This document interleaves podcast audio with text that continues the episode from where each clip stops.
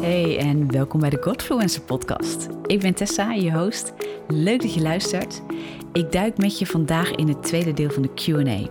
Ik heb naar aanleiding van de aflevering hoe ik mijn echte verhaal te vaak verschuil achter kennis, heb ik heel veel vragen gehad. Onder andere op social media. En er kwamen een aantal vragen uh, heel sterk naar voren bij meerdere mensen. En ik dacht, ja, ik kan iedereen wel beantwoorden. En die poging deed ik ook.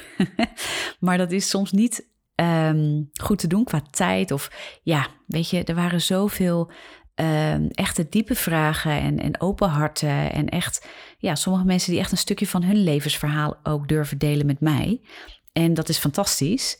Maar dan wil je er ook heel goed en secuur mee omgaan. En dat kost best wel even wat tijd. En op een gegeven moment merkte ik, oeh, dat lukt me ook niet allemaal. En ik dacht, waarom pak ik die vragen die uh, dus echt bij meerdere mensen terugkomen, waarom pak ik die niet samen en kijk ik toch of ik daar middels een podcast antwoord op kan geven? En uh, nou, in het eerste deel van deze QA, daar noem ik ook de andere vragen. En waar ik vandaag iets meer met je op in wil, is eigenlijk ja, waar, dat, waar dat naar refereert. Hè? Die, die diepe verlangen wat we hebben en, en wat dus ook kan resulteren in een pijn die wij ervaren als christenen en dat heeft eigenlijk te maken met het ervaren van God. En ik moet je zeggen, ik kreeg daar best wel wat vragen over. Ook naar aanleiding van het feit hoe ik vertel over mijn verhaal en mijn leven met God. En dat mensen daaruit opmerken van joh, het lijkt erop dat jij heel sterk uh, een relatie hebt met God en dat je Hem echt ervaart. En of dat nou is doordat ik Zijn aanwezigheid ervaar, of dat ik het idee heb dat ik Zijn leiding ervaar, of dat ik Zijn stem hoor in mijn binnenste, of zelfs, uh, nou ja, hoorbaar Hem zou horen. Er zijn heel veel verschillende manieren om uiting te geven aan hoe je God ervaart. En Daarbij merk ik ook altijd dat christenen op zoek zijn naar een goede toetssteen. Om te toetsen van joh, wat ik ervaar, is dat God? En hoe weet ik dat dat God is? Als ik zijn stem ervaar of hoor, of als ik zijn aanwezigheid ervaar of hoor, of als ik impressies krijg, hoe toets ik dat? Nou, dat is misschien iets voor een, eh, voor een andere aflevering. Maar het ervaren van God in zichzelf is voor christenen echt heel erg belangrijk. En zeker omdat de God van de Bijbel ook aangeeft, hij is een levend God en hij wil een relatie met zijn kinderen. Door de Heilige Geest heeft hij die mogelijkheid ook gegeven dat je echt in je binnenste, in jouw geest, verbonden bent aan de geest van God. En belooft God in zijn woord ook dat we zijn leiding kunnen ervaren. En dat vind ik heel mooi wat onder andere Spreuken 16 vers 3 ook zegt. Vertrouw uw werken aan de Heer toe en uw plannen zullen bevestigd worden. Dat betekent ook dat op het moment als wij onze plannen overleggen met God, niet een paar plannen, maar al onze plannen, dat we er ook op mogen vertrouwen dat God ons leidt. Maar wij mensen, ja, wij vragen ons dan natuurlijk ook af, hoe leidt God ons? En hoe kunnen we dat ontdekken en uitvinden, voelen, ervaren, zien, merken? Hoe weten we dat God tot ons spreekt? En hoe ontdekken we dan wat zijn leiding is? Want in een wereld die gebroken is en in een wereld waar de duisternis ook een plek heeft, weten we ook dat we misleid kunnen worden of afgeleid kunnen worden van de plannen van God in ons leven. De Bijbel is daar duidelijk over. En ik denk dat een van de dingen die christenen in ieder geval zoeken is de leiding van God, zodat ze ook weten dat ze in lijn met Gods wil leven. Daarbij is ieder mens echt op zoek naar liefde en het willen en kunnen ervaren van liefde. En hoe te meer bij de schepper, bij je vader, bij de God van al het leven. Uh, de God die ook zegt: Ik ben je vader en ik ben er voor je. Ik ben te vertrouwen. Heb geloof in mij en ik zal jouw paden recht maken. dus daar waar wij ja, in die gebrokenheid leven en daaruit moeten komen en met hem moeten groeien en mogen groeien, daarin zoeken we juist zijn leiding. En die leiding willen we van hart tot hart ervaren. En ik geloof ook echt dat we daarvoor gemaakt zijn. Ik geloof dat de mens gemaakt is, zoals Romeinen 12, vers 2 ook zegt, om zijn of haar denken te vernieuwen en in de grondtekst verwijst dat meer naar de gezindheid vernieuwen. De gezindheid staat voor je wil, je emoties en je gedachten. En we zijn geroepen om dat allemaal onder de leiding en de liefde van God te brengen. En daarin staat ook in Romeinen 12 staat ook het volgende. En wordt niet aan deze wereld gelijkvormig, maar wordt innerlijk veranderd door de vernieuwing van uw gezindheid. Dus hier staat ook het woord gezindheid. Ik gebruik overigens de HSV-vertaling. Um, dus door de vernieuwing van uw gezindheid om te kunnen onderscheiden wat de goede, welbehagelijke en volmaakte wil van God is. Er is dus een manier om God te kennen, om zijn wil te kennen, eh, om zijn hart te kennen, om ehm, zijn leiding ook te ervaren vanuit het kennen van Hem. Er is dus absoluut een manier om Gods hart te kennen en zijn liefde te ervaren. En nou ja, wat ik merkte is dat mensen echt kunnen struggelen met het ervaren van God. En of je dat nou benoemt als van joh, ik wil zijn stem beter verstaan, of ik wil hem beter kunnen voelen in mijn leven, of zijn leiding beter kunnen waarnemen in mijn leven. Daar zijn verschillende uitingen voor waar je naar op zoek bent. Maar alles heeft eigenlijk met ervaring te maken. In je hart, zeg maar, voelen, in je hart ervaren dat God met je is en dat hij jou wil leiden. En nou ja, daarom vind ik dus die spreuk uit Spreuken 16, vers 3 zo mooi. Hè? Dus waar God eigenlijk zegt, joh, als je je plannen overlegt met mij, zullen je plannen ook bevestigd worden. En daarin uh, wil ik wat toelichten. Kijk, God is ook een God die, als hij leiding geeft, ons ook stuurt. Dus als je je laat sturen, als je je plannen overlegt met God, dan ga ik er ook vanuit dat je een hart hebt om gestuurd te worden. En ja, God mag bijsturen in zo'n geval. Dus het bedoel, ik bedoel er niet mee te zeggen van uh, neem het en claim it. Ik ga mijn plannen even voor God neerleggen en zo gaat het gebeuren en niet anders. Ik geloof niet dat dat de weg is. Um, als we iets bevestigd willen uh, zien worden, dan mogen we met God staan in geloof. Uh, zeker als we weten, veel dit is van God, daar ga ik voor staan. Ik laat het niet wegroven uit mijn hart en uit mijn leven door de duisternis. Dat is wat anders. Dan mag je echt wel opstaan als je merkt dat de duisternis iets van je wil roven wat van God gegeven is. Maar als je nog zoekende bent van, joh, is dit van God? Dan is het veel meer de tijd om je plannen bij God neer te leggen en te zeggen, dit leeft in mijn hart, Heer, en dit leeft in mijn hart. Wilt u daar leiding aan geven en wilt u mij ook laten zien wat van u is en wat niet van u is? Maar hoe ga je nou ervaren dat God daar leiding aan geeft? Of hoe ga je nou überhaupt meer van Hem ervaren? En ik kan daar heel veel persoonlijke dingen over neerleggen. En dat wilde ik eigenlijk niet doen. Ik wil daar veel meer het woord voor neerleggen vandaag voor je. Want um, natuurlijk kan ik vanuit mijn persoonlijke ervaring zeggen: joh, als je zoekt naar Hem, als je inderdaad je plannen, je pijn, hè, dus niet alleen je plannen, maar ook je pijn durft neer te leggen bij Hem, en je durft naar Hem te gaan met alles wat in je is, dan is die belofte van God, en dat heb ik ervaren in mijn eigen leven. Hè, zeker ook toen ik depressief was, ik ging in al mijn pijn, ging ik toch altijd naar Hem, ook in mijn boosheid. Ik had echt momenten dat ik zo gefrustreerd was. En ik zag God echt als de Almachtige. Hè? Dus ja, hij was in staat om al mijn problemen op te lossen. En vanuit die simpele mindset, uh, wat niet eens zo'n hele verkeerde mindset is misschien, maar wat wel soms een beetje te zwart-wit was, waarin ik mijn eigen aandeel en eigenaarschap niet altijd voldoende nam. Dat moest ik ook leren. Um, maar in die simpele mindset ging ik naar God toe, ook met mijn boosheid. Van ja, u lost mijn problemen niet op. Dus hier heeft u mijn boosheid, mijn verdriet, mijn frustratie. Um, wat moet ik ermee? En wat gaat u ermee doen?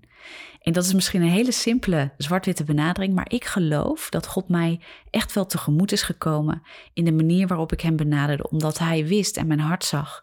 En um, absoluut heeft gezien dat ik wel bij hem kwam voor mijn oplossingen en ook voor mijn nood. En daar zit echt iets in. Dus ik wil je vanuit mijn persoonlijke leven echt bemoedigen. Ga met alles, wat voor emotie het ook is, ook je boosheid. Schaam je niet in eerste instantie, maar zeg tegen God: Ik ben boos op u, eigenlijk omdat ik het niet begrijp. Of ik ben boos op u omdat dingen zijn gebeurd en ik kan dat niet matchen met hoe ik u zie, bijvoorbeeld. Hè? Of hoe ik het leven zie, of hoe ik met de dingen in aanraking ben gekomen. Wat mijn kennis is over u, over de wereld, over mezelf. Ik snap het niet. Ik ben boos en ik weet niet waar ik anders heen moet. Dus kom ik bij u. Dat is eigenlijk wat ik heel vaak deed. En ik heb altijd ervaren, en niet altijd gelijk, begrijp me goed, maar in processen die daarop volgden, in het woord wat ik las, in gesprekken met mensen die God ook kennen, en uh, eventueel door dingen heen waren gegaan of bepaalde wijsheid uh, konden communiceren naar mij en overdragen en ook van mij konden bidden.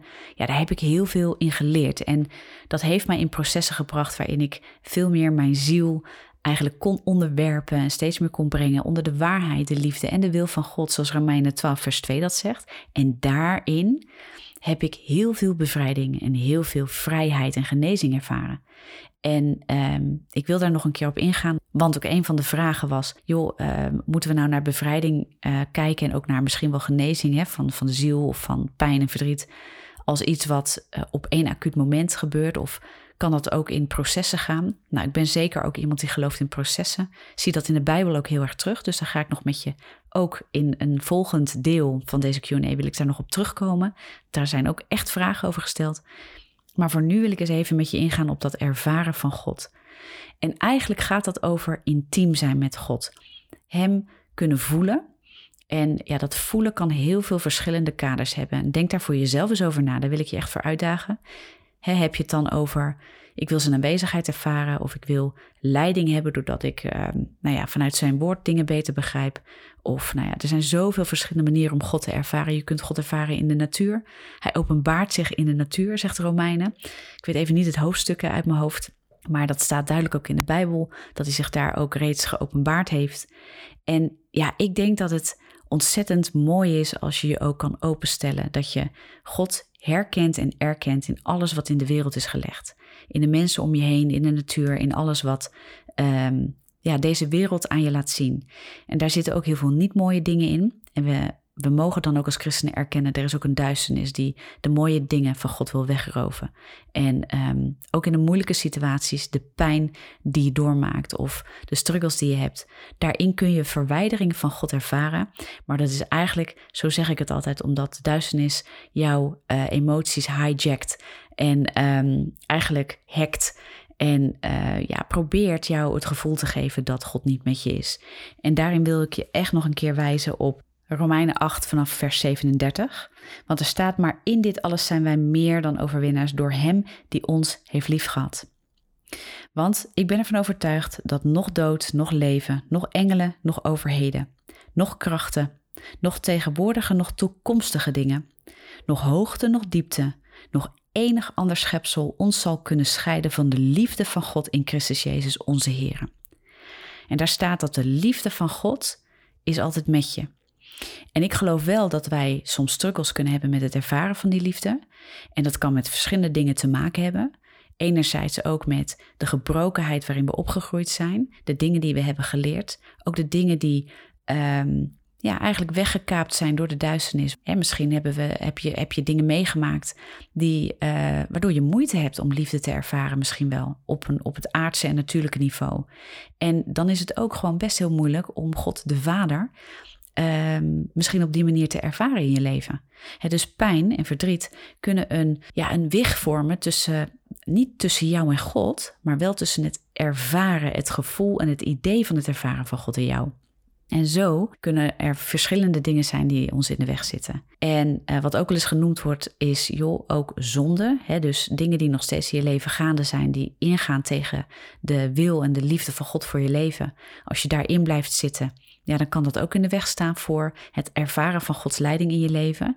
Nou, dat is wel heel reëel en heel goed om daarover na te denken. Waar ik wel van overtuigd ben overigens daarin, dat wil ik je meegeven, is dat de Heilige Geest leidt ons tot God. En dat betekent ook dat de Heilige Geest ook zonde in je leven kan openbaren. En uh, er zijn soms mensen die ons daarop wijzen. Dat doen ze als het goed is liefdevol en altijd tot opbouw.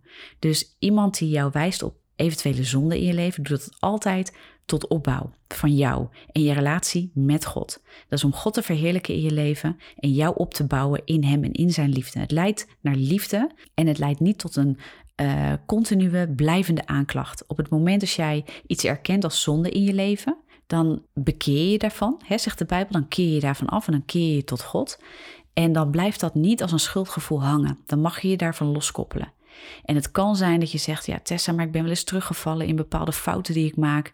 We zijn geen van allen perfect, maar dit is juist het proces waar je in kan stappen met God en kan zeggen, oeh, ik val toch weer in dat gedrag. Maar op het moment als je je weer tot God keert, en ik heb het niet over je makkelijk afdoen van dit soort dingen.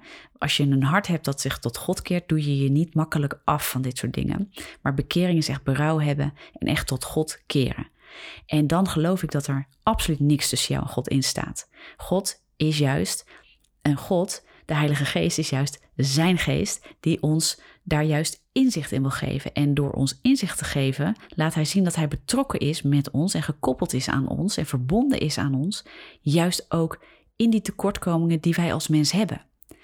Dus laat je niet uh, vertellen door de duisternis en continu, laat je niet continu aanklagen door de duisternis, dat er van alles tussen jou en God in staat waardoor hij niet met jou zou willen verbinden. God wil dat wel. En God wil je eigenlijk door de hele Bijbel heen laten weten, jij mens, jij bent iemand die nou eenmaal tekortgeschoten is, maar ik ben niet iemand die jou allereerst daarop lief heeft. Ik heb je lief omdat je een kind bent van mij. En um, in die liefde wijs ik je eventueel op de tekortkomingen niet om je onderuit te halen, maar om je te doen laten groeien in je relatie met Christus. En je daarin te laten groeien in dat wat Hij voor jou bedoeld heeft in zijn waarheid en in zijn liefde en in intimiteit met God zelf. Zonde gaat in tegen de relatie met God.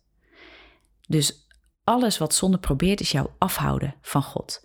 En iets waar de duisternis heel goed in is, is je het gevoel geven dat er dus iets is wat jij verkeerd doet, wat jou afhoudt van God. Maar op het moment dat je dat erkent en de Heilige Geest wijst je erop, dat is een bewijs dat God zich niet van jou verwijderd heeft. Dat is een bewijs van dat Hij met je is en je wil laten groeien in Hem. Want het liefste wat Hij wil, is dat je groeit in de intimiteit met Hem. Daar ben je voor gemaakt. Daar zijn wij als mens voor gemaakt. Om intiem te zijn met Hem en echt relatie met Hem te ervaren. Nou, hoe kun je nou, uh, als je moeite hebt met het ervaren van God, dat um, ja, ontwikkelen? En ik weet niet of ontwikkelen nou een goed woord is. Ik denk dat je het veel meer mag zien als hoe kun je groeien in je relatie met God. Nou, de Bijbel heeft daar een aantal dingen voor. En die ga ik even met je doornemen. Want wat we het liefste willen, is dat we eigenlijk uh, overeenkomstig het woord leven dus dat het woord zichtbaar wordt in ons leven, dat de vruchten van, van uh, God in ons leven zichtbaar worden. Dat we vrede ervaren in onze geest, dat we vrede ervaren in onze mind, in onze gedachten, in onze emoties. En um, ja, dat we even overeenkomstig de wil van God uh, en zijn liefde leven. En hoe kun je daar nou veel meer van ervaren? Nou, de Bijbel is er eigenlijk heel simpel over. Spendeer tijd met God. Zoek intimiteit met God. En waar de Bijbel vooral over spreekt, is dat je Jezus zoekt, dat je relatie met Hem zoekt door Zijn woord te lezen, door je te laten onderwijzen, door uh, te leren wie God is in Zijn woord, door ook jouw zelfbeeld, jouw godsbeeld bij te stellen naar wat God daarover te zeggen heeft. He, dus aan te nemen dat uh, Gods woord waar is en dat wat hij in liefde over jou zegt ook waar is, zodat je alles wat in gebrokenheid door de duisternis naar je toegeworpen is, dat je dat kan afdoen en dat je dat kan wegdoen. En een onderdeel daarvan ook is, is dat we ons bekeren van nou ja, zonde, en dat we ons bekeren van uh, nou ja, gewoontes en, en routines die misschien ja, geboren zijn uit wereldsdenken of uit uh, zondig handelen. En dat we daar de stap in nemen met Jezus om daarin onszelf te laten transformeren. Zoals Romeinen 12, vers 2 dat heel mooi zegt. Nou, de manier om dat te doen is echt tijd met hem besteden. Lezen in zijn woord, uh, samen met anderen verdieping zoeken, uh, je in liefde laten opbouwen, je in liefde laten onderwijzen, uh, bidden tot God. Uh, hem aanbidden, dankbaarheid uiten, elke dag weer. En ook wel genieten van de dingen die God op je pad brengt. Hè? De mooie dingen willen en kunnen zien. En echt het cultiveren van intimiteit. Echt hem zoeken. En daarbij niet je emoties, dus het per se iets willen ervaren, dat niet boven God zelf zetten. Dus het zoeken van God in zichzelf mag jou ook het vertrouwen geven dat Hij dan ook met je is. En dan ontspan je vaak veel meer en kun je veel meer ruimte laten voor zijn leiding. En dan ga je op een gegeven moment ook komen op een punt van dat je dat veel meer gaat ervaren. En ervaren zit hem ook vooral vaak in het ervaren van vrede, zegt de Bijbel. En dat is soms een beetje een abstract begrip, omdat wij vaak vrede een beetje verwarren met, nou ja, ik voel me vooral fijn. Maar fijn is, uh, is niet altijd een goede vertaling voor het begrip van vrede. Want er zijn heel veel mensen die absoluut vrede kunnen ervaren in God, in midden in de stormen van hun leven. En een storm voelt niet fijn, maar zij kunnen gaan onderscheiden: hey, dit is wat het woord zegt, dit is wat ik mag geloven en aannemen van God, dit is waar ik me. Uh, beschermd mag weten. Ik mag schuilen bij Hem. En ik weet dat de storm uiteindelijk voor het woord en de autoriteit van God in mijn leven moet gaan liggen. En dat ik daardoor heen kom. En het voelt niet fijn, maar de vrede zit hem in het vertrouwen van God. Nou, daarin wil ik je bemoedigen. Ik ben ook soms aan het zoeken van hoe kan ik dit nou goed aan je overbrengen. Want dit zijn zulke gevoelige ja, onderwerpen toch wel. En ik heb niet alle antwoorden. Dat heb ik eerder al wel eens gezegd. Ik ben niet alwetend, dat is alleen God. Maar wat ik wel weet is wat de Bijbel daarover zegt. En dat is dat we Hem moeten zoeken. En dat doe je vanuit je emotie, door niet je emoties weg te duwen, je niet te schamen, maar echt in alle oprechtheid bij Hem te komen. Maar dat doe je ook absoluut door Hem te leren kennen.